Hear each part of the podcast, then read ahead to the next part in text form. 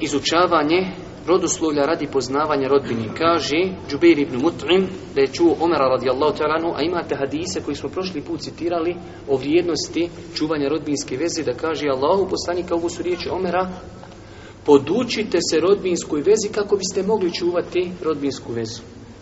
Ovo je, braću moja draga, na osnovu ovog i mnogih drugih, onaj kak se zove dokaza islamski učenjaci su postavili veliko pravilo ma la el vađibu illa bihi fe vađib. Svaka stvar koja uzrokuje da se u potpuni određeni vađib postaje vađib. Mi smo rekli na početku da je obaveza čuvati rodbinske veze. Kako čuvati rodbinsku vezu ako ne znaš ko ti je rodbina? Znači, obaveza da se čovjek poduči komu je rodbina. Kako bi znao čuvati rodbinske veze i kako bi znao koja je bliža rodbina, koja, koja je dalja rodbina. kaži znači ova predaja da su ovu riječi ove da je rekao nam imberi, izučajte, izučavajte rodoslovlje, znači vaše porijeklo, zatim pazite na vašu rodbinu.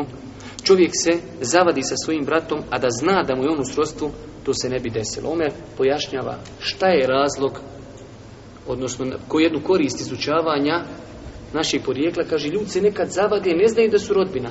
A da znaju da su rodbina, lakše bi jedan drugom halali i to tolerisali.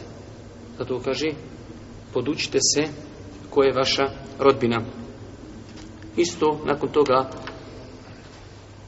onaj predaje od Ibnu Abbas radijallahu ta'ala da je on kazao čuvajte i učite onaj ko su vam ko vam je rodbina kako biste ih mogli čuvati i kako biste znali te stvari. Tako da ovaj hadis nam ukazuje znači na jednu interesantnu stvar i prošli smo put spomenuli i vjerujte da treba o tome razmišljati da čovjek se potrudi da napravi stablo